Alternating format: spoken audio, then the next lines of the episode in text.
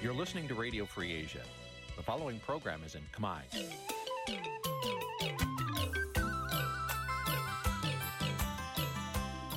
នេះជាកម្មវិធីផ្សាយ Vuthu Azizi Serai នេះជាកម្មវិធីផ្សាយរបស់ Vuthu Azizi Serai ជាភាសាខ្មែរ Vuthu Azizi Serai សូមស្វាគមន៍លោកអ្នកនាងទាំងអស់ពីរដ្ឋធានី Washington នៃសហរដ្ឋអាមេរិក បាទផ្សាយផ្ទាល់ពីរដ្ឋធានី Washington ខ្ញុំបាទជួនច័ន្ទបុតស៊ូមជម្រាបសួរលោកអ្នកនាងកញ្ញានិងប្រិយមិត្តទាំងអស់ជាទីមេត្រីយើងខ្ញុំសូមជូនកម្មវិធីផ្សាយសម្រាប់រាត្រីថ្ងៃសុក្រ15កើតខែបុស្សឆ្នាំខាលចត្វាស័កពុទ្ធសករាជ2566ត្រូវនៅថ្ងៃទី6ខែមករាគ្រិស្តសករាជ2023បាទជាដំបូងនេះសូមអញ្ជើញលោកអ្នកនាងស្ដាប់ព័ត៌មានប្រចាំថ្ងៃដែលមានមេតិការដូចតទៅ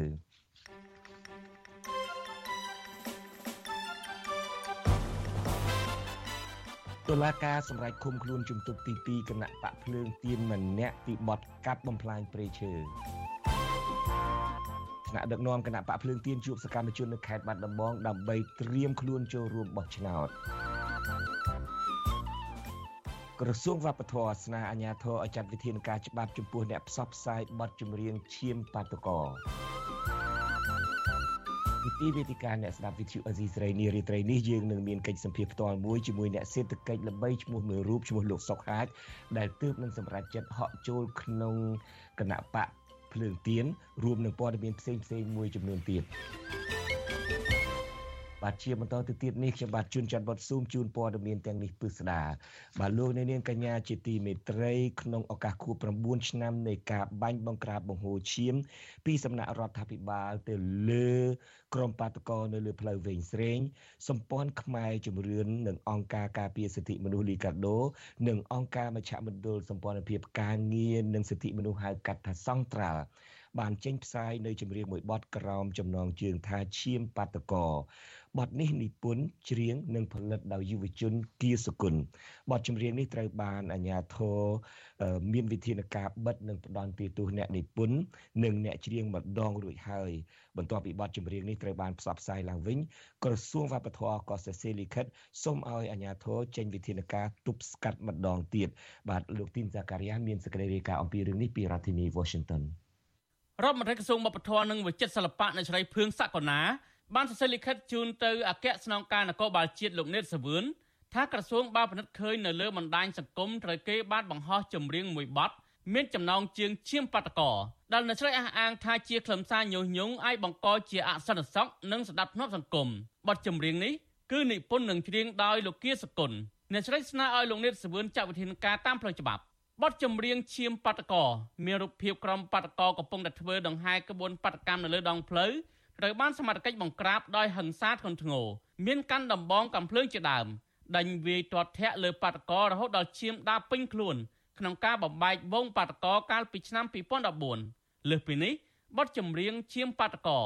មានអត្ថន័យរំលឹកដល់វីរភាពរបស់សហជីពនិងអ្នកតស៊ូដើម្បីសិទ្ធិការងារនិងទាមទារដំឡើងប្រាក់ឈ្នួលដោយយកសាច់ស្រស់ឈាមស្រស់ទៅតល់ទល់ដោយមិនខ្លាចដំបងដាច់ ក្របអំភ្លើងដើម្បីមនុស្សចំនួនក្រោយមានប្រាក់ខែសមរម្យរួចផុតពីវណ្ណៈជិះជាន់ពាក់ព័ន្ធនឹងសំណើរបស់ក្រសួងវប្បធម៌នេះនាយកទទួលបន្ទុកកិច្ចការទូតនៃអង្គការលីកាដូលោកអំសំអាតប្រាប់វិទ្យុអសិរ័យថា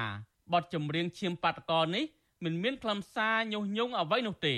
ព្រោះអង្គការលីកាដូនិងអង្គការដៃគូផ្សេងទៀតបានបង្ហោះនិងសរសេរស្នើសុំអរដ្ឋាភិបាលស៊ើបអង្កេតរកការពិតនិងទទួលខុសត្រូវតាមផ្លូវច្បាប់ ខ្ញុំនៅតែយល់ថាបទចម្រៀងនេះវាទៅជាមិនមានខ្លឹមសារនៅក្នុងការអុចអាលញុះញង់បង្កឲ្យមានសន្តិសុខនៅក្នុងសង្គមអីទេហើយ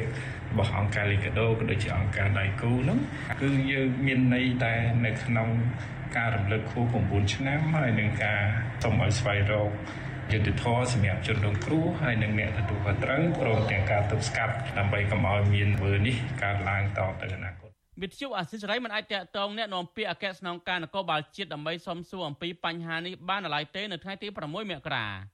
អ្នកនិពន្ធនឹងច្រៀងលោកគៀសគុណធ្លាប់ត្រូវបានតុលាការចោទប្រកាន់ពីបទញុះញង់ឲ្យប្រព្រឹត្តបទអក្រិតជាអាតនិងកាត់ទោសឲ្យជាប់ពន្ធនាគាររយៈពេល1ឆ្នាំ6ខែកាលពីឆ្នាំ2020ព្រោះលោកបានច្រៀងចម្រៀងបទដីខ្មែររិះគន់បញ្ហាសង្គមក្រោមការដឹកនាំរបស់លោកនាយករដ្ឋមន្ត្រីហ៊ុនសែនអង្គការសង្គមស៊ីវិលជាតិនិងអន្តរជាតិជាច្រើនស្ថាប័ន បានថ្កោលទោសជាបន្តបន្ទាប់ចំពោះការចាប់ខ្លួននេះដោយពួកគេលើកឡើងថាបទចម្រៀងនេះគ្រាន់តែជាការបញ្ចេញមតិតាមបែបសិល្បៈតែប៉ុណ្ណោះព្រមទាំងបានស្នើអរដ្ឋាភិបាលដោះលែងរំលោភរួមទាំងសកម្មជនសិទ្ធិមនុស្សនិងយុវជនសង្គមដទៃទៀតដែលត្រូវបានអាជ្ញាធរចាប់និងឃុំខ្លួនទាំងបំពេញច្បាប់ផងកាលពីពេលនោះតើតើនឹងករណីរដ្ឋមន្ត្រីក្រសួងវប្បធម៌និងវិចិត្រសិល្បៈស្នើឲ្យអគ្គស្នងការនគរបាលជាតិ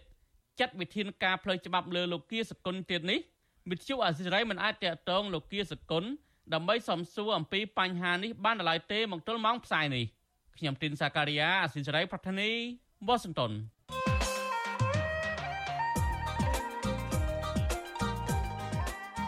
បាទលោកនាងកញ្ញាជាទីមេត្រីអ្នកជំនាញសេដ្ឋកិច្ចល្បីឈ្មោះមួយរូបបានសម្រេចចិត្តចូលរួមនយោបាយជាមួយគណៈបកភ្លើងទៀន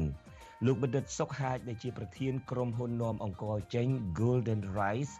អះអាងថាលោកបានសម្រេចចិត្តចូលធ្វើនយោបាយជាមួយគណៈបកភ្លើងទៀននៅពេលនេះដោយលោកសម្លឹងឃើញថាគណៈបកនេះអាចនឹងឈ្នះឆ្នោតហើយអាចនឹងដឹកនាំប្រទេសទៅថ្ងៃមុខបាទសូមអញ្ជើញលោកនាងរងចាំទស្សនានិងស្ដាប់រួចនឹងចូលរួមក្នុងនីតិវេទិកាអ្នកស្ដាប់វិទ្យុអាស៊ីសេរីដែលខ្ញុំបាទនឹងមានវាគ្មិនកិត្តិយសគឺលោកបណ្ឌិតសុកហាជនៅពេលបន្តិចទៀតនេះ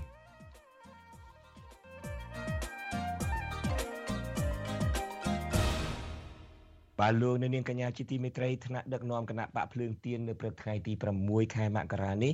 បានប្រារព្ធពិធីសំណេះសំណាលជាមួយសកម្មជនរបស់ខ្លួន និងអ្នកគាំទ្រជាង500នាក់នៅខេត្តបាត់ដំបងដើម្បីត្រៀមខ្លួនចូលរួមប្រកួតប្រជែងក្នុងការបោះឆ្នោតជ្រើសរើសតំណាងរាស្ត្រអាណត្តិទី7ខាងមុខនេះ ក្នុងពិធីនេះគណៈបកភ្លើងទៀនបានរំលេចសារនយោបាយមួយចំនួនក្រៅរំលឹកសូមឲ្យពលរដ្ឋកុំភ័យខ្លាចក្នុងការធ្វើសកម្មភាពនយោបាយដើម្បីទាមទារលទ្ធិប្រជាធិបតេយ្យឡើងមកវិញបាទលោកយ៉ងច័ន្ទរា មានសេចក្តីរាយការណ៍អំពីរឿងនេះថ្នាក់ដឹកនាំគណៈបកភ្លើងទៀនបានបង្ហាញសារនយោបាយពញ្ញាក់ស្មារតីដល់សកម្មជនរបស់ខ្លួននិងអ្នកគាំទ្រនៅក្នុងខេត្តបាត់ដំបង ត្រូវសាមគ្គីគ្នាឲ្យរឹងមាំគិតពីផលប្រយោជន៍ជាតិនិងត្រូវរៀបចំខ្លួនឲ្យស្អាតស្អំដើម្បីឲ្យម្ចាស់ឆ្នោតកក់ក្ដៅហើយអាចពឹងពាក់បានថ្នាក់ដឹកនាំគណៈបកភ្លើងទៀនទាំងនោះរួមមានទីប្រឹក្សាជាន់ខ្ពស់នៃគណៈបកភ្លើងទៀនទទួលបន្ទុកកិច្ចការសេដ្ឋកិច្ចបណ្ឌិតសុកហាជនិងអតីតតំណាងរាស្ត្រជាប់ឆ្នោត4អាណត្តិគឺលោកកឹមសុភិរិទ្ធដោយឡែកអតីតប្រធានសមាគមគ្រូបង្រៀនកម្ពុជាឯករាជ្យ និងជាអតីតសមាជិកគណៈកម្មាធិការជាតិរៀបចំការបោះឆ្នោតហៅកាត់ថកោជបលោករងឈុននិងអតីតប្រធានសហជីពសេរីកម្មករនៃព្រះរាជាណាចក្រកម្ពុជាលោកជាមុនីពួកលោកក៏បានចូលរួមនៅក្នុងវេទិកានេះដែរក៏ប៉ុន្តែនៅក្នុងនាមជាវាគ្មិនឯករាជ្យបណ្ឌិតសុកហាជដែលទៅតែចូលរួមជីវភាពនយោបាយជាមួយនឹងគណៈបកភ្លើងទៀននោះបានថ្លែងនៅក្នុងពិធីនោះថា រដ្ឋាភិបាលដែលដឹកនាំដោយគណៈបកភ្លើងទៀន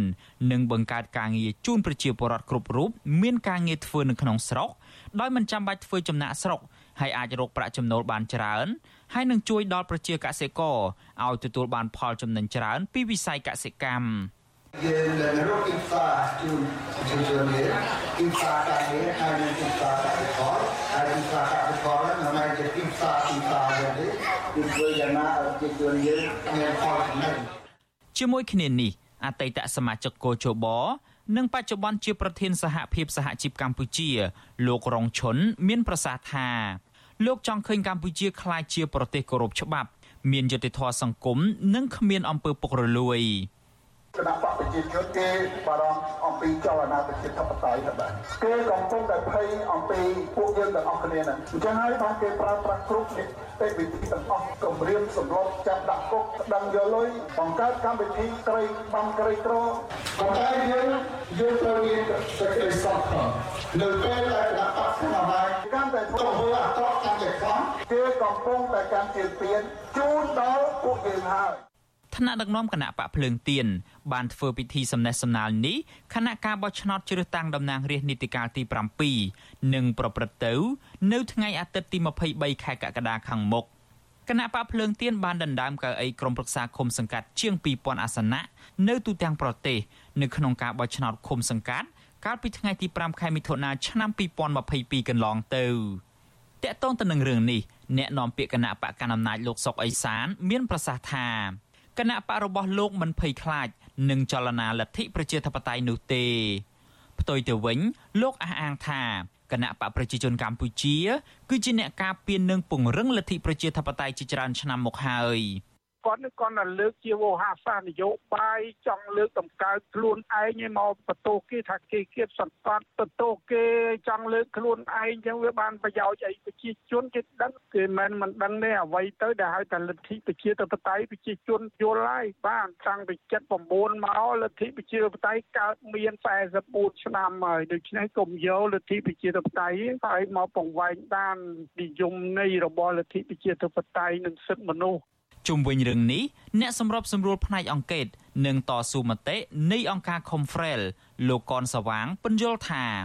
ការប្រារព្ធពិធីរបស់គណៈបកភ្លើងទៀននិងការចូលរួមរបស់គណៈបកនយោបាយនានានៅមុនការបោះឆ្នោតពុំមានអ្វីខុសច្បាប់នោះឡើយពីព្រោះតែគណៈបកនយោបាយនីមួយៗត្រូវត្រៀមខ្លួនចូលរួមប្រគល់ប្រជែងការបោះឆ្នោតជ្រើសតាំងតំណាងរាស្ត្រនាពេលខាងមុខនេះ។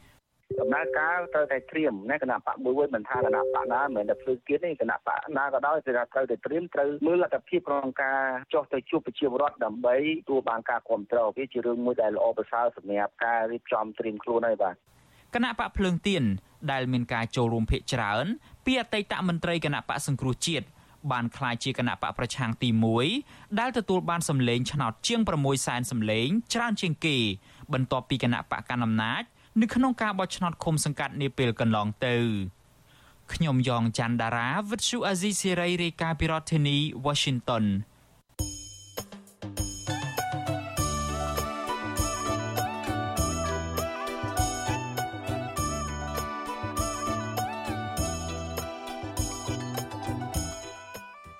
បាទលោកនាងកញ្ញាជាទីមេត្រីតុលាការខេត្តកំពង់ស្ពឺសម្រេចឃុំខ្លួនជំទប់ទី2មកពីគណៈបកភ្លើងទៀនម្នាក់ ពីបទកាប់បំផ្លាញព្រៃឈើមន្ត្រីជាន់ខ្ពស់នៃគណៈបកភ្លើងទៀនចាត់ទុកការចោទប្រកាន់នេះថាជាការធ្វើទុកបុកម្នេញផ្នែកនយោបាយទៅលើគណៈបកភ្លើងទៀននិងស្នើទៅរដ្ឋាភិបាលលោកហ៊ុនសែនគួរបង្កបរិយាកាសនយោបាយល្អមុនការបោះឆ្នោតបាទលោកសេកបណ្ឌិតនឹងមានសេចក្តីរាយការណ៍អំពីរឿងនេះជូនលោកអ្នកនាងនៅក្នុងការផ្សាយរបស់យើងនាពេលព្រឹកនេះចាប់ពីម៉ោង5:30នាទីរហូតដល់ម៉ោង6:30នាទីបាទឆ្លៀតឱកាសនេះខ្ញុំបាទសូមជម្រាបថាដំណើរគ្នានឹងការស្ដាប់ការផ្សាយវិទ្យុអេស៊ីស្រីតាមបណ្ដាញសង្គម Facebook និង YouTube លោកអ្នកនាងក៏អាចស្ដាប់កម្មវិធីផ្សាយរបស់ Vithu Azizi សេរីតាមរយៈរលកធាតុអាកាសខ្លីឬភាសាអង់គ្លេសហៅថា short wave តាមកម្រិតនិងកម្ពស់ដូចតទៅនេះពេលព្រឹកចំពោះការផ្សាយពេលព្រឹកចាប់ពីម៉ោង5កន្លះរហូតដល់ម៉ោង6កន្លះលោកអ្នកនាងអាចស្ដាប់បានតាមរយៈប៉ុស SW 9.39 MHz ស្មើនឹងកម្ពស់ 32m និងប៉ុស SW 11.85 MHz ស្មើនឹងកម្ពស់ 25m ចំណែកការផ្សាយនាពេលល្ងាចវិញគឺចាប់ផ្ដើមពីម៉ោង7កន្លះដល់ម៉ោង8កន្លះលោកអ្នកនាងអាចស្ដាប់ប៉ុស W ប៉ុស SW 9.39 MHz ស្មើនឹងកម្ពស់ 32m ប៉ុស SW 11.88 MHz ស្មើនឹងកម្ពស់ 25m និងប៉ុសមួយទៀតគឺប៉ុស SW 15.15 MHz ស្មើនឹងកម្ពស់ 20m បាទសូមអរគុណ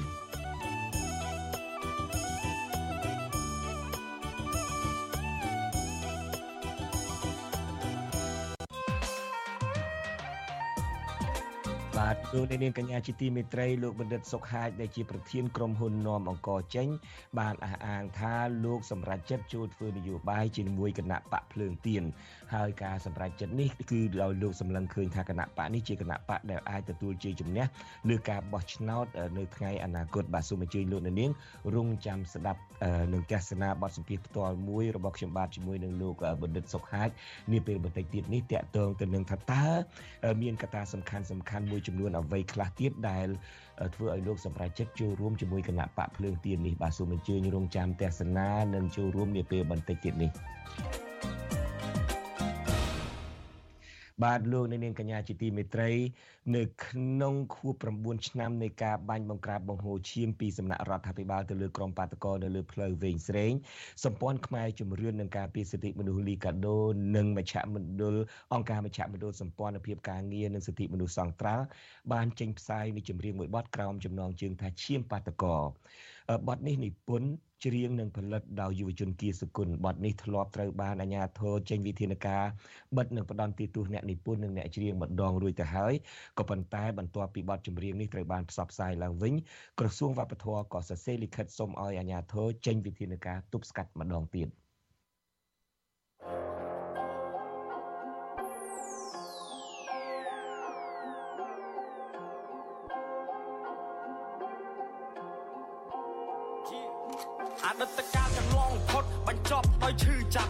ខ្លះដែលបានឃើញអ្នកណាខ្លះដែលបានស្ដាប់អ្នកណាខ្លះដែលចងចាំអ្នកណាខ្លះដែលបានភ្លេចស្រក់ទឹកភ្នែកស្រែកទៀមទាដើម្បីចង់បានសិទ្ធ9ឆ្នាំកន្លងផុតបន្សល់នៅទុកដ៏ក្រំក្រៀមទិដ្ឋភាពដ៏អនិច្ចាកាយាពោពេញដោយឈាមអ្នកខ្លះបាត់ខ្លួនស្ងាត់ស្ងៀមទាំងគ្មានដំណឹងរស័ព្ទអណ្ដែតដល់ទីណាក៏គ្មានអ្នកណាដឹងរងចាំយុទ្ធតែធัว9ឆ្នាំកន្លងទៅអស់រយៈពេលជាយូរគ្មានអ្នកទទួលខុសត្រូវទន្ទឹងនឹកមុំម័យចង់បានដ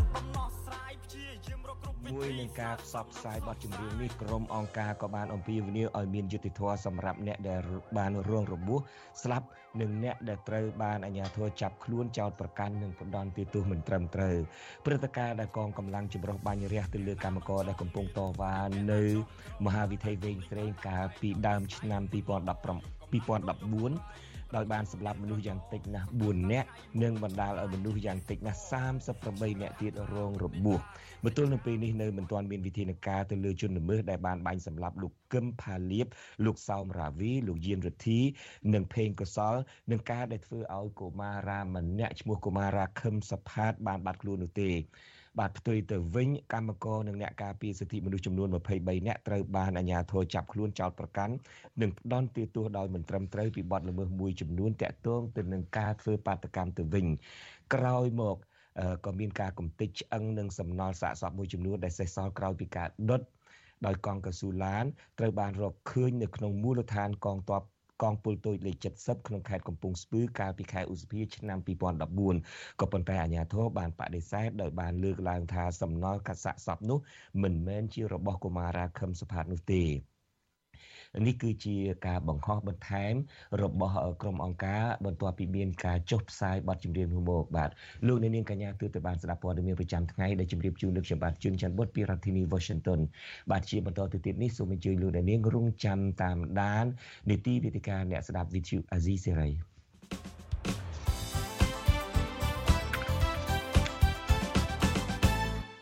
បាទលោកនាងកញ្ញាជាទីមេត្រីជាបន្តទៅទៀតនេះគឺជានីតិវេទិកាអ្នកស្ដាប់ Vithu Azizi Serai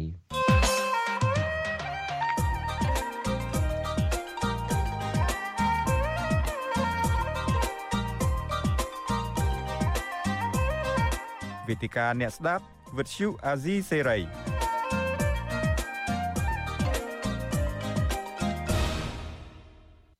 បាទលោកនាងកញ្ញាជាទីមេត្រីខ្ញុំបាទជួនច័ន្ទបុតស៊ូមជម្រាបសួរលោកនាងកញ្ញាជាថ្មីម្ដងទៀត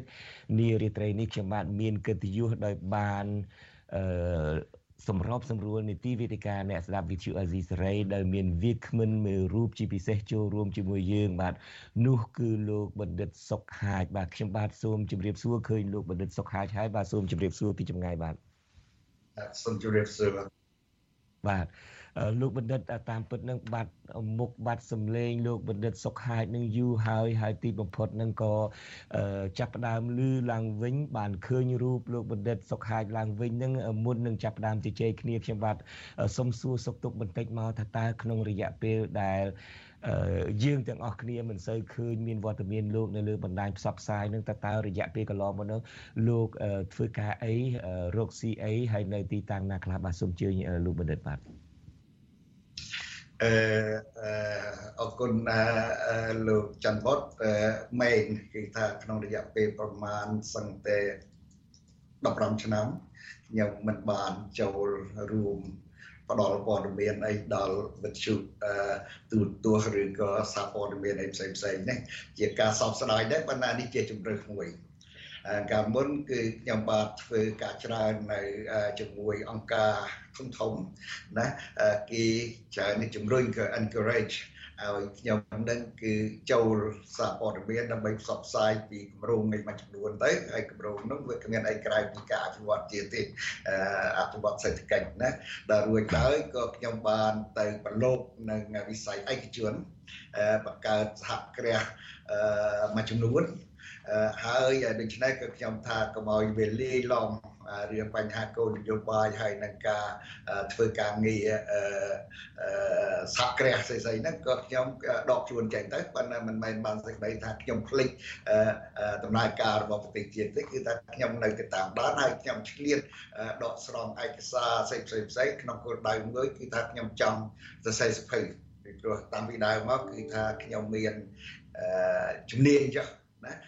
ខាងស្រាវជ្រាវហើយនឹងសរសេរសភៅកាខ្ញុំនៅស្រុកបារាំងខ្ញុំសរសេរសភៅដល់ទៅ2តោះនិយាយពីសេដ្ឋកិច្ចនៅបារាំងប៉ុន្តែបន្តស្រុកខ្មែរវារវល់ច្រើនពេកទៅវាមិនបានសរសេរសភៅហើយក៏ខ្ញុំសម្រេចចិត្តតាំងពី3 4ឆ្នាំ4 5ឆ្នាំមកថាខ្ញុំសូមចូលនិវត្តន៍ហើយខ្ញុំប្រាប់គ្រួសារខ្ញុំថាឲ្យគេតវិញទៅ ណាហើយឥឡូវនេះគឺខ្ញុំមានជំនឿមួយថាគ្រួសារខ្ញុំគេតវៀនខ្ញុំបានហើយហើយដូច្នេះថ្ងៃនេះឯងខ្ញុំចេញនៅក្រៅទេគឺព័ត៌មានមិញខ្ញុំទៅលេងបាត់ដំបងថ្ងៃមកដល់ឥឡូវនេះខ្ញុំនៅក្នុងសន្តាគារមួយនៅសៀមរាបណាដូច្នេះគឺខ្ញុំចូលនិវត្តន៍ដែរ ពីសហគ្រាសដែលលោកមានប្រសាសន៍មិញថាជាអ្នកនាំចេញអង្គរមួយពិសេសសហគ្រាសនាំចេញអង្គរស្អីស្អីហ្នឹងគឺថាខ្ញុំចូលនិវត្តន៍ប៉ុន្តែមកចូលនិវត្តន៍ខ្ញុំនៅអើតម្ដងម្ដងហ្នឹងដែរបាទបាទដូច្នេះចូលតែនិវត្តន៍អំពីការងារគ្រប់គ្រងឬមួយក៏ដំណើរការនៃសហគ្រាសនោះទេក៏ប៉ុន្តែក៏មិនចូលនិវត្តន៍ក្នុងការងារសង្គមការងារនយោបាយដែរលើកនេះ ការសម្ភាសជាមួយវិទ្យុអាស៊ីសេរីលើកនេះក្នុងនាមជា អ្នកនយោបាយនៃគណៈបកភ្លើងទៀនលោកបានក្លាយទៅជាមន្ត្រីជាន់ខ្ពស់មួយរូបនៃគណៈបកភ្លើងទៀនហើយតើសារដំបូងរបស់លោកបណ្ឌិតសុកហាជចំពោះប្រជាពលរដ្ឋចំពោះអ្នកនយោបាយឬមួយអ្នកគ្រប់គ្រងសកម្មជននយោបាយនឹងមានសារអីសំខាន់ទី1ក្នុងនាមជា អ្នកនយោបាយជាន់ខ្ពស់នៃគណៈបកភ្លើងទៀននេះបាទសូមអញ្ជើញលោកបណ្ឌិតសុកហាជ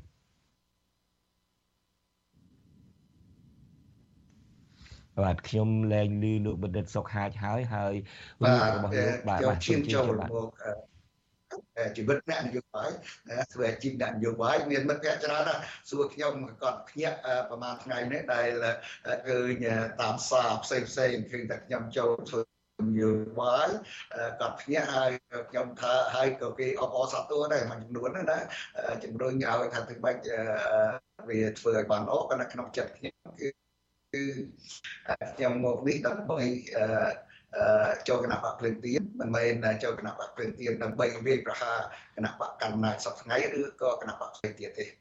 ខ្ញុំចូលមកនេះគឺថាក្នុងគោលដៅ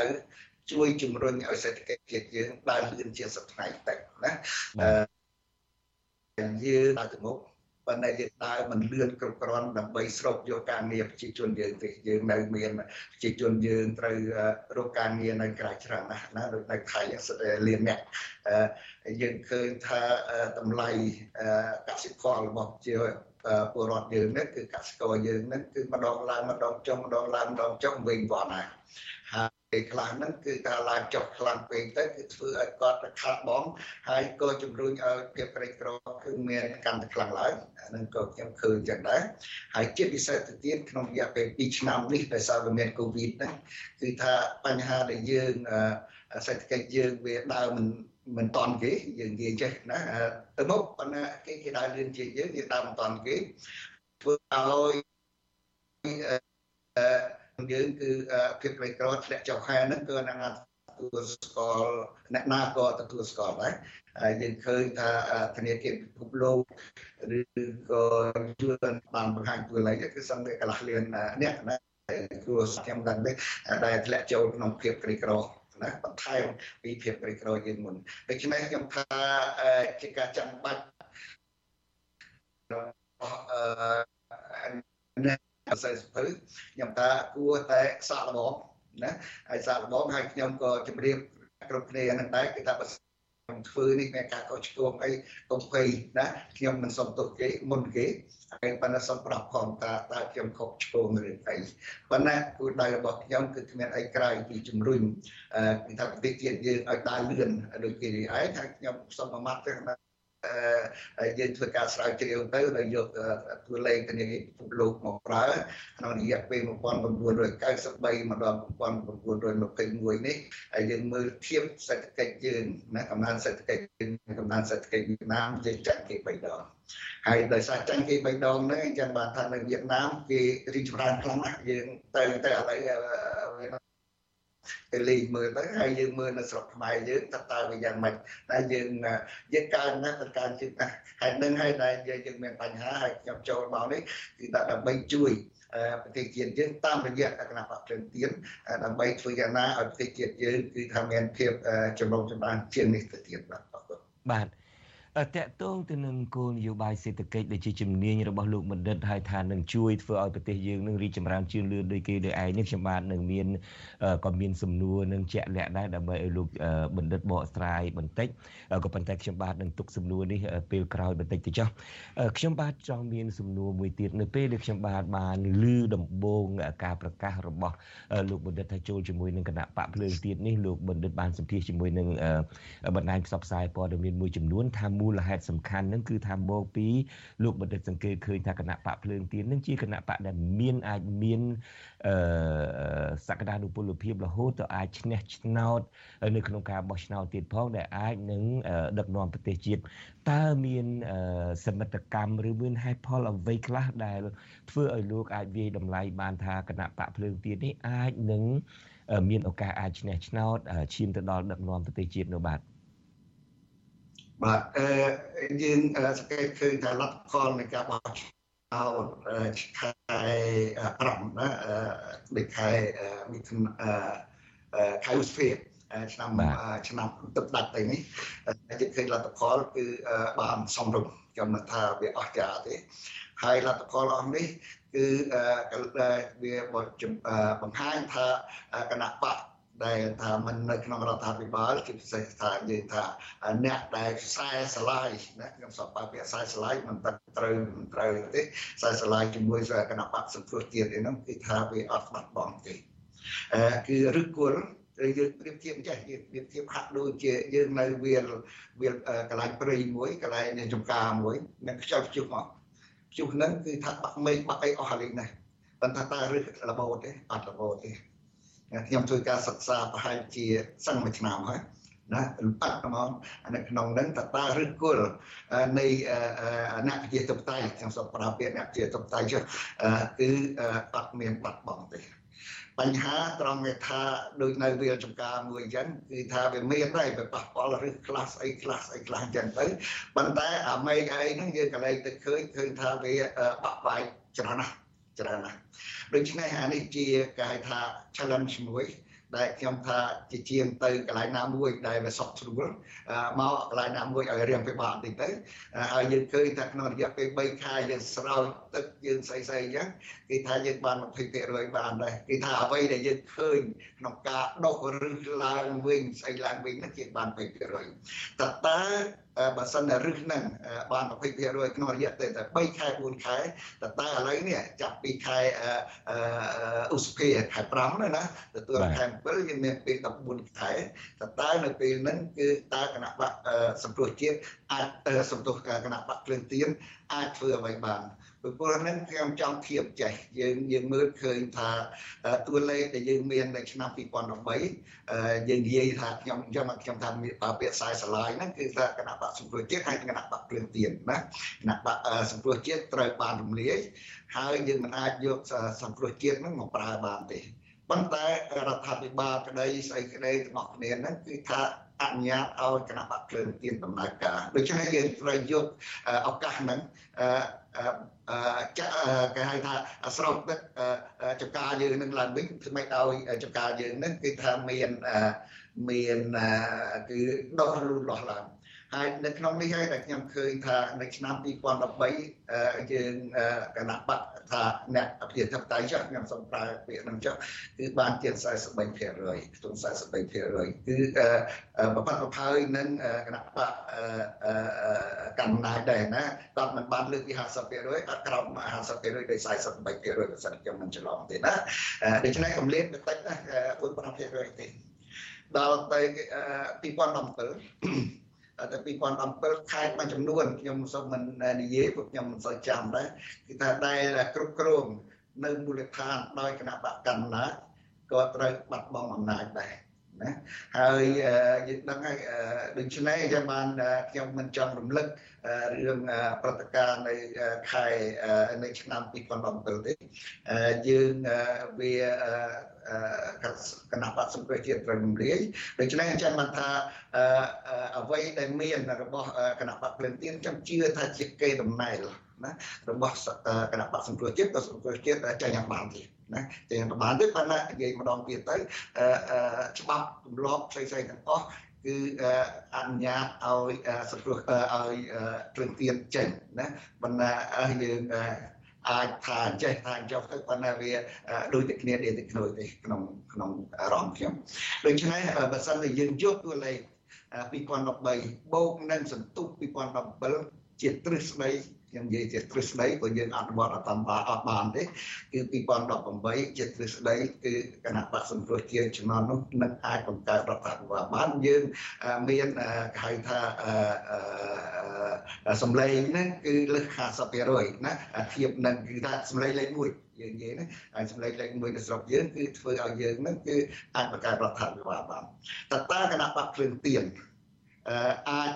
ស្នងរាជគេថាស្នងគេតំណែងនឹងបានអត់ខ្ញុំជឿថាបានប៉ុន្តែត្រូវរៀបចំទុកពេលវេលាខ្លះណាតើតើពេលវេលាប្រហែលខែទៀតនេះគ្រប់គ្រាន់អត់ដើម្បីឲ្យបង្កើតរដ្ឋាភិបាលបានខ្ញុំមិនប្រកាសទេប៉ុន្តែมันมันมันมันมันគេហៅថាมันថាมันកើត100%ទេ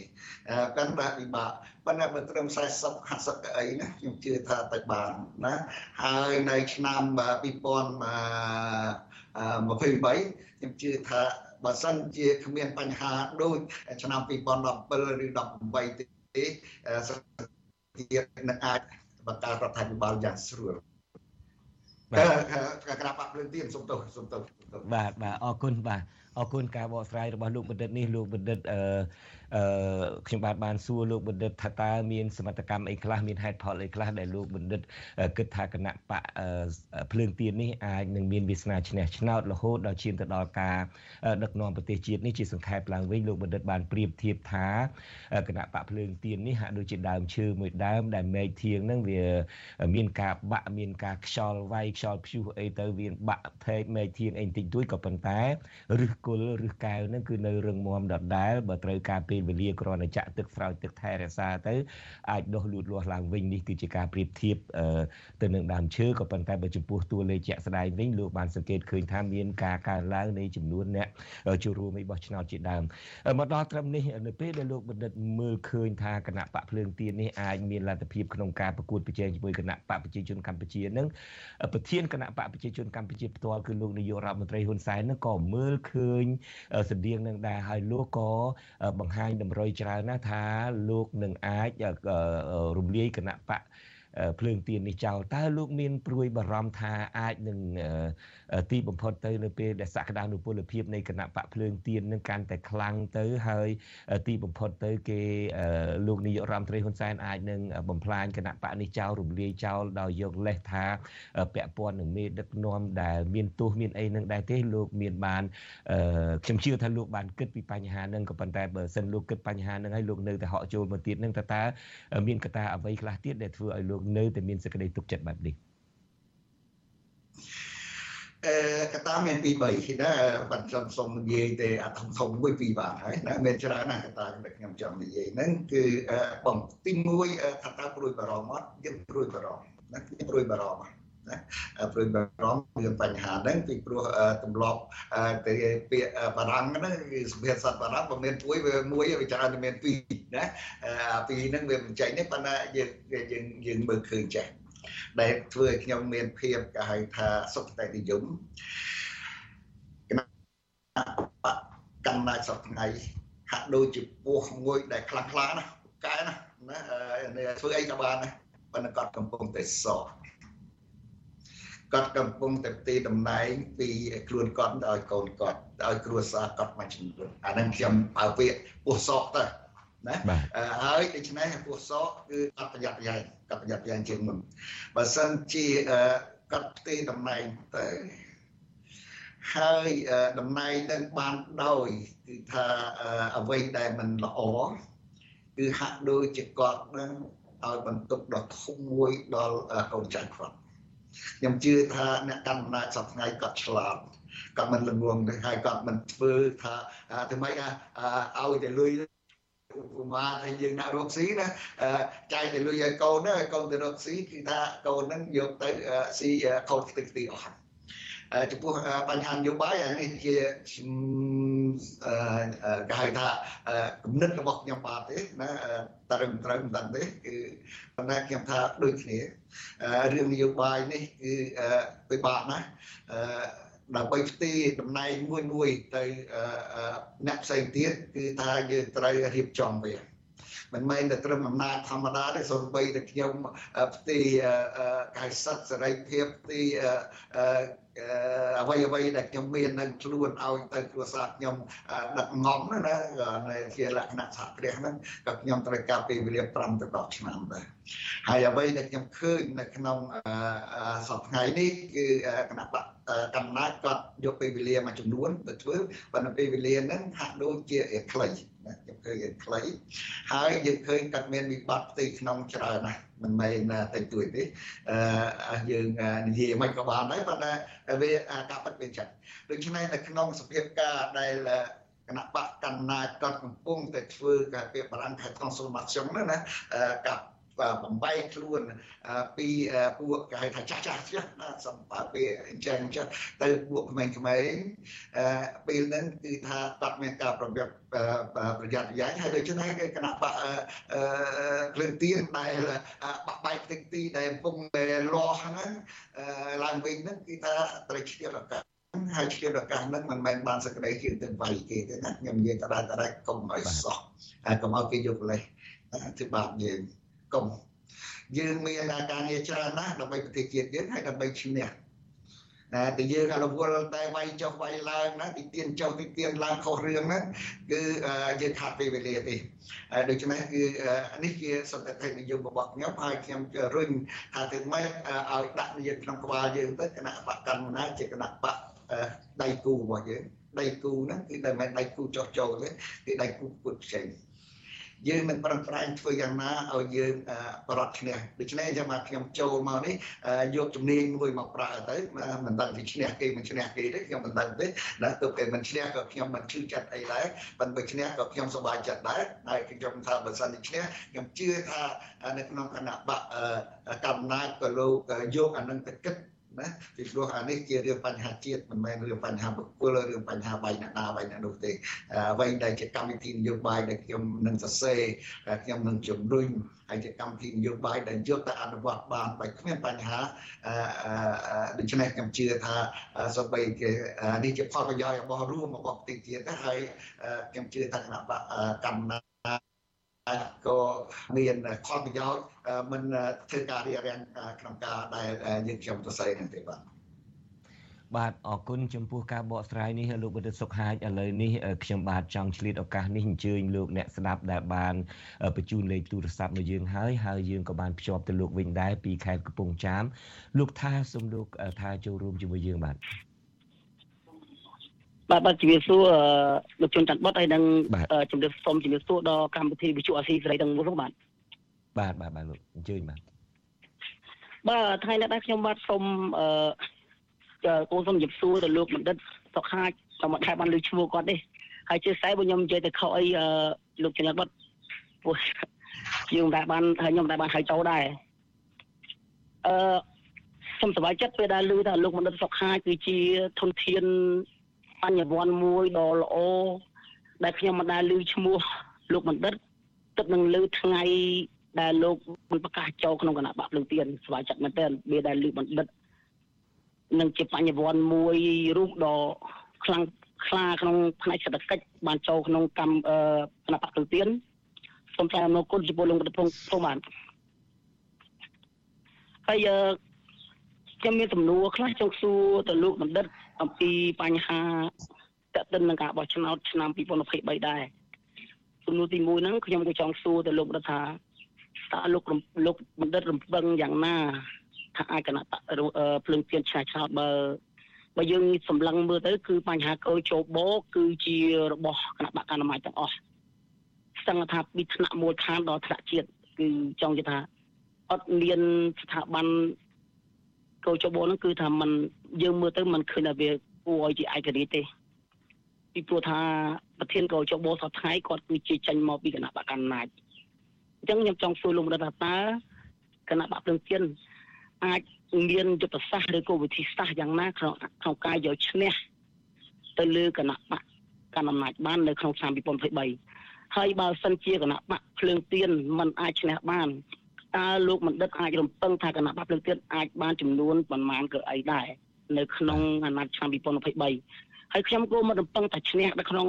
ឆ្នាំ2023ដែរក្នុងនាមខ្ញុំជាពលរដ្ឋម្នាក់ដែលស្រឡាញ់បែបលទ្ធិប្រជាធិបតេយ្យខ្ញុំមិនរំពឹងទេខ្ញុំសូមនិយាយថាខ្ញុំមិនរំពឹងជាដាច់ខាតតែខ្ញុំនៅតែពេញចិត្តនឹងគ្រប់គ្រងក្នុងការបោះឆ្នោតឆ្នាំ2023ដែលបែបលទ្ធិប្រជាធិបតេយ្យសេរីភូតៈ ការកែប្រែដឹកនាំប្រទេសជាតិមួយគឺយើងធ្វើតាមគោលការណ៍បែបលទ្ធិប្រជាធិបតេយ្យខ្ញុំពេញចិត្តខ្ញុំគូមិនចង់ឲ្យមានប្រទេសជាតិយើងមានផ្ទុះបរាយអាវុធសង្គ្រាមអីដែរអញ្ចឹងខ្ញុំពេញចិត្តតែខ្ញុំនឹងខ្ញុំរំពឹងថាគណៈបកភ្លឹងទៀនក៏អាចបានសម្ដែងគ្រប់គ្រងបានយ៉ាងជ្រើលើលុបដែរហើយបើសិនជាគណៈបកភ្លើងទៀនអឺ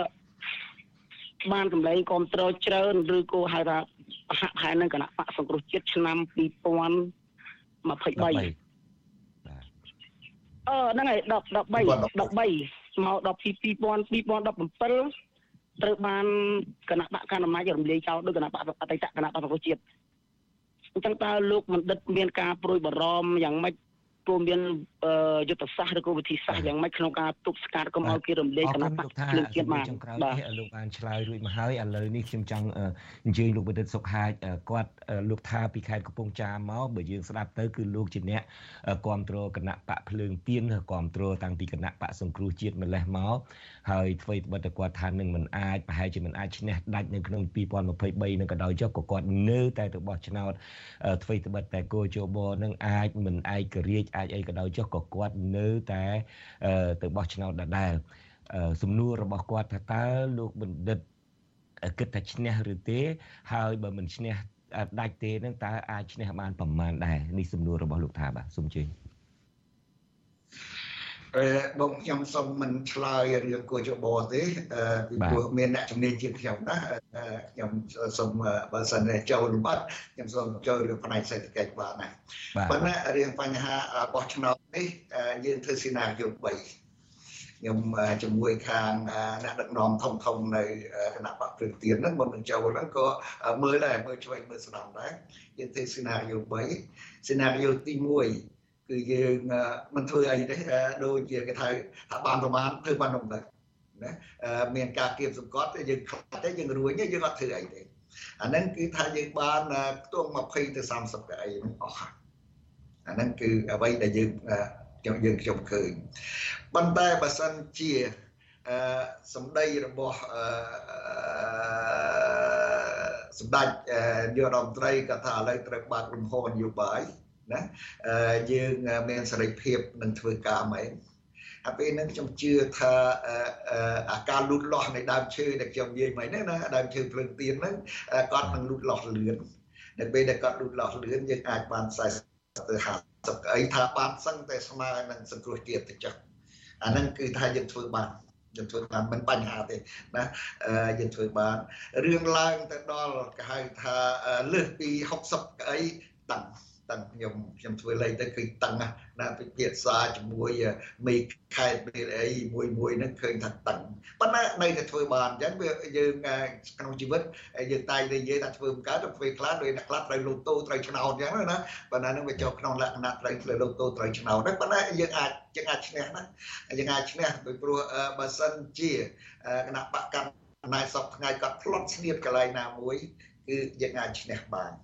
ដូច្នេះគឺថាយើងត្រូវដាក់ខ្លួនយើងជាអ្នកប្រកួតប្រជែងហើយប្រកួតប្រជែងក្នុងន័យល្អក្នុងន័យប្រទេសជាតិនៅក្នុងបណ្ណឹងគ្នាយើងថាអូយអ្នកនឹងឯងឈ្នះប៉ុន្តែមួយទៅគាត់រត់រត់គាត់ក្រិចជើង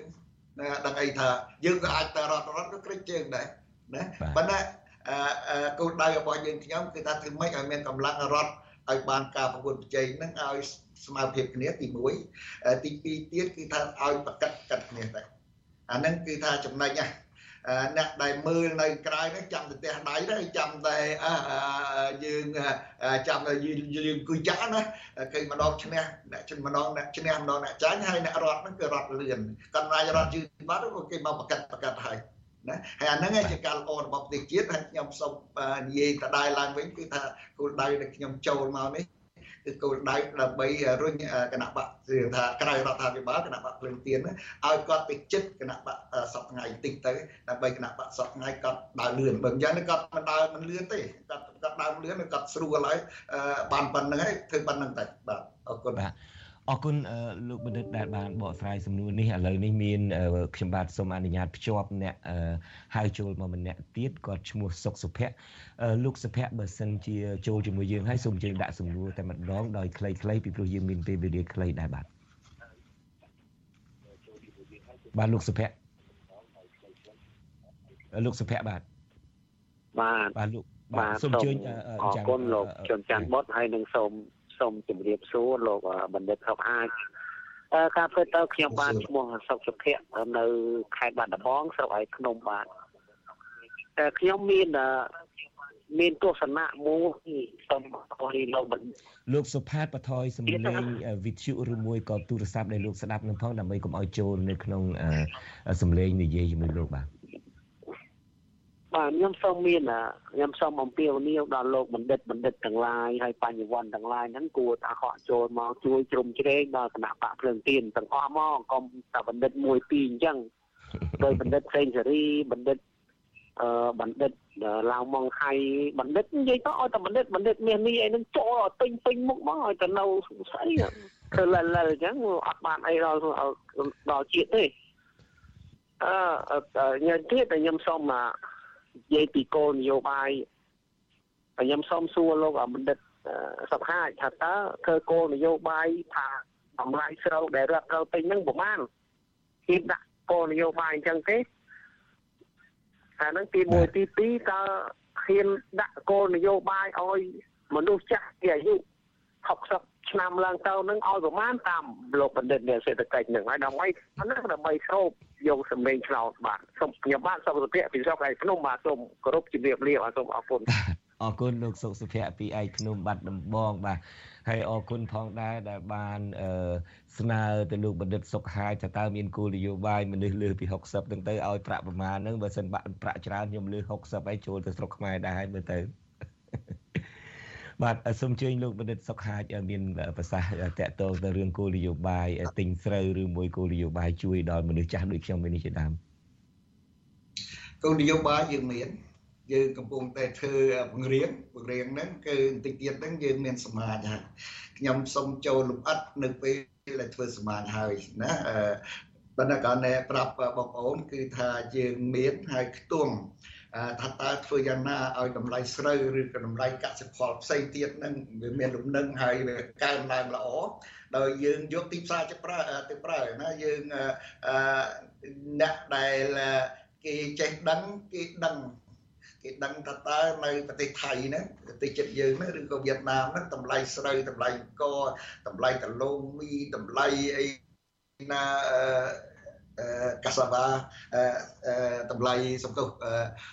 ស្វាយចន្ទីស្អីស្អីហ្នឹងគេមានប៉ុន្តែនៅស្រុកយើងគឺទឹករលកដូចខ្ញុំបាននិយាយហ្នឹងគឺវាទឹករលកហ្មងណាហើយយើងគ្រប់គ្រងអត់បានហើយដូច្នេះគឺត្រូវមានអន្តរាគមន៍ពីរដ្ឋរដ្ឋហ្នឹងទៅជួយខាងឯកជន យើងកុំគេហៅថាលៀបពគ្នាថាអូណានឹងឯងឈ្មួញណានឹងឯងស្អីកុំខ្ញុំថាកុំខ្ញុំជាឈ្មួញមួយហើយណា5 10ឆ្នាំខ្ញុំបង្កើតសហគ្រាសមួយដៃបាត់ដៃទៅទេគ្មានអីទេហើយមានសហគ្រាសនឹងមួយហើយឥឡូវខ្ញុំប្រគល់ឲ្យគ្រួសារខ្ញុំធ្វើប្រគល់ឲ្យគេធ្វើឯណាខ្ញុំចង់ធ្វើហើយព្រោះខ្ញុំមិនមិនមិនចង់ឲ្យនៅអញ្ចឹងឃើញស្រឡាញ់លុយអីខ្លាំងពេកអញ្ចឹងទេអ្វីដែលខ្ញុំចង់និយាយគឺដូច្នេះរឿងបញ្ហាគោលនយោបាយ ស្រូវកក្តីគោលនយោបាយធនធានផ្សេងផ្សេងទៀតកសិផលផ្សេងផ្សេងទៀតយើងមានណាហើយខ្ញុំសូមមិនតន់ចូលលំអិតទេពីព្រោះម៉ោងពេលនៅសល់10នាទីទៀតយើងចប់ហើយអានឹងទី1ទី2ទៀតរឿងចាស់ចរិយាក៏ដូចគ្នាអញ្ចឹងដែរគឺថាយើងមានគេហៅអន្តរកម្មសង្គមយើងធ្វើតាំងពីកូនសិស្សណាដែលក្រីក្រ អឺព្រោះខ្ញុំនិយាយគេក្រីក្រមិនមែនមានតិចទេយើងភាគច្រើនសុំទោសខ្ញុំប្រើពាក្យអញ្ចឹងទៅភាគច្រើនយើងក្រមិនមែនក្រដែលថាឲ្យកូនចង់ទៅរៀនអីគឺថាយើងអត់មានមជ្ឈបាយណាខ្លះអត់មានមជ្ឈបាយឬក៏មានមជ្ឈបាយតិចតួចណាដូច្នេះគឺតែយើងគិតដល់តាំងពីកូនក្មេងអាចឲ្យគេហៅថាអឺ ខៅបួកសិនអឺរូបភាពខ្មែរមិនឃើញទេឲ្យតកត់ ណាធ្វើយ៉ាងណាឲ្យគាត់បានទៅរៀនហើយបានទៅរៀនមែនតេណាអត់ឲ្យគ្រូទៅយកលុយពីគ្នាស្អីពីគ្នាគឺហាមហើយដូច្នេះគឺគ្រូនឹងត្រូវមានទេពកោសលផងទាំងមានគេហៅថា moral នៅក្នុងហ្នឹងគឺកុំយកលុយពីកូនសិស្សហើយយើងមានប្រមាណថវិការដ្ឋឲ្យប្រមាណត្រូវនឹងបើមិនដឹងទៅមិនទេអាហ្នឹងយើងទៅទៅកន្លែងផ្សេងទៀតទៅណាដូច្នេះគឺផ្នែកតាំងពីកុំក្មេងទៅដល់មនុស្សចាស់ នោះចាស់គឺថាយើងឃើញថាសន្តិសុខសង្គមយើងសឹងតែគ្មានយើងចាប់មានតិចតិចហើយចំពោះអ្នកដែលស៊ីប្រាក់ខែណាអ្នកស៊ីប្រាក់ខែនៅជាពិសេសនៅតាមរោងចក្រកាត់ដេរយើងចាប់មានដូចកសសអានេះជាគឺរឿងល្អណាស់យើងត្រូវពង្រីកវាយើងត្រូវពង្រីកវាឲ្យទៅកន្លែងផ្សេងទៀតដើម្បី ភាពក្រីក្រហ្នឹងគឺធ្វើកុំឲ្យគាត់ហ្នឹងវាក្រហ្នឹងគឺអត់បាយស៊ីដល់សំទានណាអាហ្នឹងគឺថាយើងត្រូវធ្វើចិត្តហើយយើងត្រូវបន្ថយចរន្តដែលខ្ញុំនិយាយថាយើងរកការងារធ្វើនៅក្រៅហ្នឹងអាហ្នឹងគឺចូលអន្តរកម្មសង្គមហើយណាយើងធ្វើធ្វើទឹកអលក់មកទៅយើងឃើញថាកំពុទ្ធការណាមានស្រូវមានអីណាស្លូមីស្អីស្អីសាប់រួចទៅរកស៊ីខាត រកស៊ីខាតជពាក់លុយគេឥឡូវសប្តាហ៍នេះគឺតែមិនដឹងយ៉ាងម៉េចទេណាស្រុកខ្មែរយើងគឺស្រួលឲ្យរឿងជពាក់លុយគេអញ្ចឹងបាតាបងខ្ញុំនិយាយតិចទៅសូមឲ្យធនាគារជាតិលោកគៀប ធនាគារឯកជនបន្តិចទៅណាកុំស្រួលពេករឿងឲ្យកម្ចីហ្នឹងកម្ចីហ្នឹងត្រូវមើលពិនិត្យបច្ច័យមែនទែនណាកម្ចីហ្នឹងអាចយកទៅធ្វើអីផ្សេងក្រៅពីការរកស៊ីអាហ្នឹងតើយើងប្រយ័ត្នចែកយើងឃើញនៅស្រុកលោកខាងលិចគេថាគេកម្ពុជាណាយើងនៅនេះអត់ទេមានតែស្អីប្រចាំគឺឲ្យខ្ចីផ្លែ មានអីប្រចាំឲ្យខ្ចីផ្លែអានេះគឺជារឿងមួយដែលយើងត្រូវមើលទាំងអស់គ្នាធ្វើម៉េចឲ្យបញ្ហាសង្គមយើងកុំឲ្យវាវាមានបញ្ហាខ្លាំងទៀតពីបញ្ហាគ្រឿងញៀនស្អីគឺមកពីបញ្ហាក្រីក្រហ្នឹង បើសិនជាយើងមានបានជាងហ្នឹងគឺយើងអត់ត្រូវការគ្រឿងញៀនស្អីខ្លាំងដូចជាមានស្ដូចសពថ្ងៃទេដូច្នេះអាភាពក្រីក្រនេះជាកត្តាកំណត់សម្រាប់សម្រាប់ធ្វើឲ្យសង្គមជាតិយើងនឹងមានបញ្ហាដូច្នេះដើម្បីដោះស្រាយដោយតែយើងបញ្ហាសង្គមមនុស្សចាស់ក្តីមនុស្សក្មេងក្តីស្អីក្តីដែលគ្នាខ្វះធនធានដើម្បីឲ្យរស់នៅក្នុងសង្គមនឹងបានល្អគឺគណៈបកភ្លើងទៀនយើងនឹងសរសេរ ហើយយើងនឹងសរសេរហ្នឹងមិនមែនសរសេរចោលទេណាយើងនឹងធ្វើការស្រាវជ្រាវឲ្យច្បាស់លាស់ថាតើបើអស់លុយប្រមាណស្អីប្រមាណហើយអនុវត្តជាក់ស្ដែងត្រូវធ្វើយ៉ាងម៉េចអាហ្នឹងគឺយើងខ្ញុំធានាថាយើងនឹងធ្វើបានហើយយើងនឹងនិយាយលំបាត់នៅក្នុងរយៈពេលប្រហែល2អាទិត្យទៅមួយខែទៀតនេះបាទ បាទអរគុណដូច្នេះដែលហេតុថាលោកបណ្ឌិតបានមានប្រសាសន៍ហើយថានឹងមានសមាជនឹងមានការទៅជែកគ្នាក្នុងរយៈពេលមួយអាទិត្យពីរអាទិត្យទៀតខ្ញុំបាទនឹងមិនសួរលំអិតតាក់ទងអំពីរឿងកម្មវិធីនយោបាយតាក់ទងអំពីរឿងគោលនយោបាយសេដ្ឋកិច្ចអីទេទុកឱកាសឲ្យលោកបណ្ឌិតនឹងបានទៅជែកបានឆ្លងកាត់សិនឥឡូវយើងងាកមកសំណួរសំខាន់មួយនៅពេលដែលខ្ញុំបាទសួរលោកបណ្ឌិតហើយបន្ទាប់មកទៀតនឹងលោកបណ្ឌិតបាន មានប្រសាសន៍ថាលោកនាយករដ្ឋមន្ត្រីហ៊ុនសែននឹងប្រៀបដូចជា ពស់មួយដែលធ្លាប់មានអត្តពលខ្លាំងក៏ប៉ុន្តែពេលនេះពស់នឹងកំពុងតែសក់ហើយនឹងពាក្យមួយម៉ាត់ដែលលោកបានមានប្រសាសន៍ពាក្យមួយម៉ាត់ទៀតលោកបានមានប្រសាសន៍ថាគណៈបក ប្រជាជនកម្ពុជានឹងក៏មានវិបត្តិផ្ទៃក្នុងនឹងដែរដែលលោកសង្កេតឃើញមកគឺថាការផ្លាស់ប្ដូរអំណាចការគម្រោងការផ្ទេរអំណាចពីលោកនាយករដ្ឋមន្ត្រីហ៊ុនសែនទៅកូនប្រុសរបស់លោកនឹងអាចនឹងមិនប្រព្រឹត្តទៅស្រួលទេបើសិនជាខ្ញុំបាទស្ដាប់មិនច្រឡំទេដែលហេតុថាមានវិបត្តិផ្ទៃក្នុងតើវិបត្តិផ្ទៃក្នុងនេះកន្លងមកនឹងលោកនាយករដ្ឋមន្ត្រីហ៊ុនសែននៅពេលដែលមានអ្នកមិនយើងមិនមែនធ្លាប់លើកឮទៅលើកទី1ទេអ្នកវិភាគនយោបាយមួយចំនួនក៏បានលើកឡើងដែរថាមានវិបត្តិផ្ទៃក្នុងមានក្រុមលោកអសខេងមានក្រុមលោកទៀបបាញ់អីជាដើមនៅក្នុងផ្ទៃក្នុងគណៈបកប្រជាជនកម្ពុជានឹងគេក៏មិនមែនចេះតែទុកឲ្យលោកនាយកពេញចិត្តនឹងលោកនាយករដ្ឋមន្ត្រីហ៊ុនសែនផ្ទេរអំណាចពីខ្លួននឹងទៅកូនគាត់ឲ្យកាន់អំណាចតពូជអីចឹងដែរទេក៏ប៉ុន្តែលោកនាយករដ្ឋមន្ត្រីហ៊ុនសែនរាល់ពេលដែលឮប្រសាសន៍នេះលោកតែងតែអះអាងថាជាការវិភាគដោយមិនត្រឹមត្រូវទេលោកចាត់ទុកថាគណៈបកប្រជាជនកម្ពុជាជាតិនឹងមានផ្ទៃក្នុងនឹងរឹងមាំណាស់ចំពោះលោកបណ្ឌិតសុកហាជវិញតើតើការដែលលោកថាមានវិបត្តិផ្ទៃក្នុងនឹងស្តៀងនឹងអ្នកដែលធ្លាប់លើកឡើងមកដែរអ្នកវិទ្យានយោបាយលើកឡើងមកថាមានក្រុមលោកសខេមានក្រុមលោកទាបាញ់អីជាដើមនឹងដែរទេលោកបណ្ឌិតបាទសូមជើញវិបត្តិផ្ទៃក្នុងនឹងបែបណាខ្លះបាទវិបត្តិផ្ទៃក្នុងនេះខ្ញុំអាចនិយាយរៀងលើសបន្តិចហើយណាខ្ញុំមិនចង់ធ្វើជាអ្នកវិភាគនយោបាយទេអឺអ្វីដែលខ្ញុំចង់និយាយគឺថាយើងឃើញគ្រប់គ្នាគឺគណៈបកកណ្ដាលសប្តាហ៍គាត់កំពុងតែធ្វើអឺ ហៅថាយន្តការមួយទីអំណាចទៅជូនអ្នកចំនួនក្រោយជាពិសេសយើងនិយាយចំដល់កូនកូនគាត់ណាចំនួនឲ្យកូនកូនគាត់ណាហើយដូច្នេះគឺនៅក្នុងអយន្តការហ្នឹងអឺដូចខ្ញុំនិយាយដែររត់រត់ដល់ផ្នត់ស្រៀតណាវាវាវាវាអាចមានជាបញ្ហា ហើយខ្ញុំដឹងថាម្នាក់ម្នាក់កំពុងគិតគិតហើយខ្ញុំថាលឺសូមកថាយើងទៅរួចហើយថយក្រោយវិញស្អីស្អីណាអានេះជារឿងធម្មតាទេនៅក្នុងគណៈបកភ្លឹងទៀនយើងខ្ញុំក៏មានបញ្ហាផ្ទៃក្នុងច្រើនដែរណាអឺពីព្រោះអាកាសចាប់ផ្ដើមឡើងវិញយើងយកមេឃមកតឡើងវិញស្អីឡើងវិញហ្នឹងគឺថាយើងមានវិបត្តិដូច្នេះអ្វីដែលខ្ញុំចង់និយាយគឺថានៅពេលដែលមានយន្តការ គណៈបកកណ្ដាលសពថ្ងៃលោកកំពុងតែមានយន្តការបដូរផ្ទៃអំណាចហ្នឹងគឺថាខ្ញុំប្រៀបធៀបដូចចំពោះសោកណាហ្នឹងគឺថាគាត់បើកដៃហើយណាគាត់ រៀងទំនេរដៃតិចគាត់មិនសូវខ្លាំងពេកទេក្នុងការវាយប្រហារគណៈបកផ្សេងទៀតណាហើយក៏ខ្ញុំមានដូចខ្ញុំនិយាយដដែលឡើងវិញគឺថាហាក់ដូចជាមានចរន្តមួយណាចរន្តហ្នឹងប្រហែលជាលោកប្រធានាធិបតី Biden ណា Joe Biden គាត់ជួបសម្ដេចហ៊ុនសែនយើងនិយាយចំទៅណានេះជារឿងមួយល្អហើយដែល Joe Biden គាត់ស្នើឲ្យមានគេហៅថាលំហនយោបាយហើយអាចការជួបនេះវាធ្វើឲ្យបាទខ្ញុំបាទដាច់មិនលឺសំឡេងរបស់លោកបណ្ឌិតសុកហាជទេបាទ បាទប្រហែលជាលោកបណ្ឌិតសុកហាជដាច់ទៅហើយលោកនាងកញ្ញាជាទីមិត្តរីខ្ញុំបាទកំពុងតែសម្ភាសជាមួយនឹងលោកបណ្ឌិតសុកហាជដែលជាយើងពេកធ្វើអីរៃការយើងពេកពេកយើងធ្វើអីរៃការហើយបាទប្រព័ន្ធទូរស័ព្ទជួយដែលផលដល់គេយើងត្រូវតែគិតថាយើងធ្វើម៉េចរត់ឲ្យលឿន ណាយើងរត់ឲ្យលឿនដើម្បីឲ្យគេរត់តាមយើងឬមួយក៏គេរត់ទៅឆ្ងាយហើយយើងធ្វើម៉េចរត់ឲ្យទៅចិត្តចិត្តគេទៅឬមួយក៏អាចឈ្នះនៅចុងទីបញ្ចប់ហើយចុងទីបញ្ចប់គឺថ្ងៃ23ខែកក្កដាឆ្នាំ2010អឺ2023នេះបាទបាទ បាទអរគុណលោកបណ្ឌិតសុកហាជណាស់ដែលបានចូលមកបកស្រាយក្នុងនីតិវេទិកាអ្នកស្ដាប់វិទ្យុអេស៊ីសេរីក៏ប៉ុន្តែខ្ញុំនៅមានសំណួរមួយម៉ាត់ចុងក្រោយទៀតទេលោកបណ្ឌិតសុកហាជយើងហាក់ដូចជាដាច់ប្រព័ន្ធពីលោកសុកហាជទៅហើយ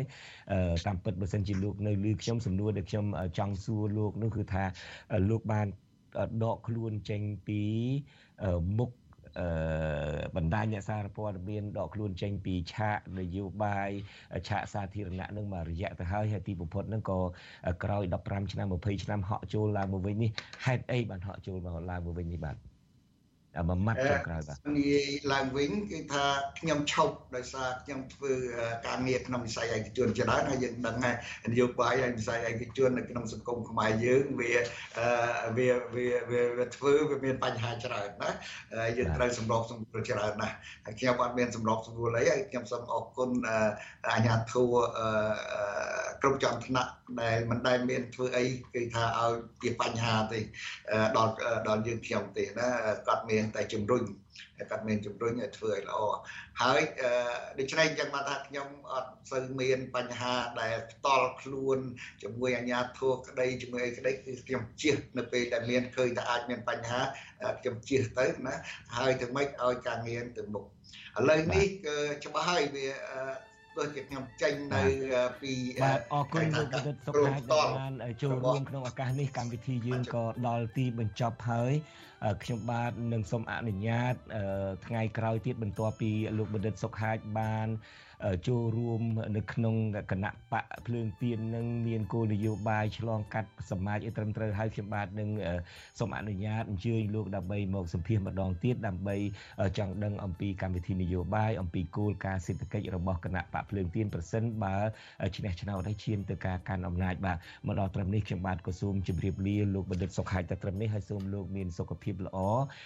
ដើម្បីនឹងបន្តចូលរួមក្នុងចលនាជំរុញឲ្យមានប្រជាធិបតេយ្យជំរុញឲ្យមានខឿនសេដ្ឋកិច្ចនឹងល្អប្រសើរសម្រាប់មនុស្សទាំងអស់គ្នា